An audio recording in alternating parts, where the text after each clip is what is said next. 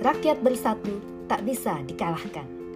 Saudara sebangsa setanah air, hari ini 23 tahun yang lalu atau tepatnya 21 Mei 1998, Presiden kedua Indonesia, Soeharto, mengundurkan diri. Reformasi menandai tumbangnya kekuasaan Orde Baru Soeharto yang menjabat sebagai Presiden RI selama 32 tahun. Gelombang unjuk rasa dimulai sejak 12 Mei.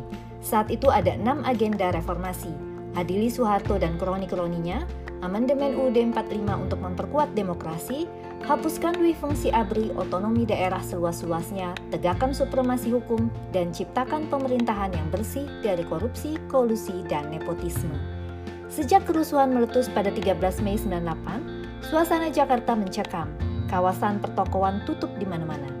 Kerusuhan masih terjadi hingga keesokan harinya. Setidaknya 273 orang tewas terpanggang api di dua pusat perbelanjaan yang dijarah dan dibakar massa, yakni Sentra Plaza Klender Jakarta Timur dan Ciledug Plaza Tangerang. Selama tiga hari kerusuhan di Jakarta, korban tewas mencapai 499 orang. Polisi telah menangkap sekitar 1000 perusuh. Pada 17 Mei 98, kehidupan sehari-hari berangsur pulih. Para pemilik toko di Semarang, di Surabaya sudah mulai berjalan normal. Sejumlah spanduk bertuliskan pro-reformasi mulai bertebaran di mana-mana. Esok harinya, para mahasiswa, puluhan cendekiawan, dan beberapa pensiunan jenderal mulai menduduki gedung DPR MPR.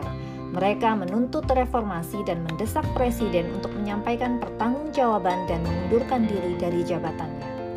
Hingga pada 21 Mei 1998, Soeharto mengumumkan pengunduran dirinya sebagai Presiden RI. Jabatan Presiden RI kemudian diserahkan kepada Wakil Presiden B.J. Habibie. Demikian informasi peristiwa semenit hari ini. Semenit jadi pundit.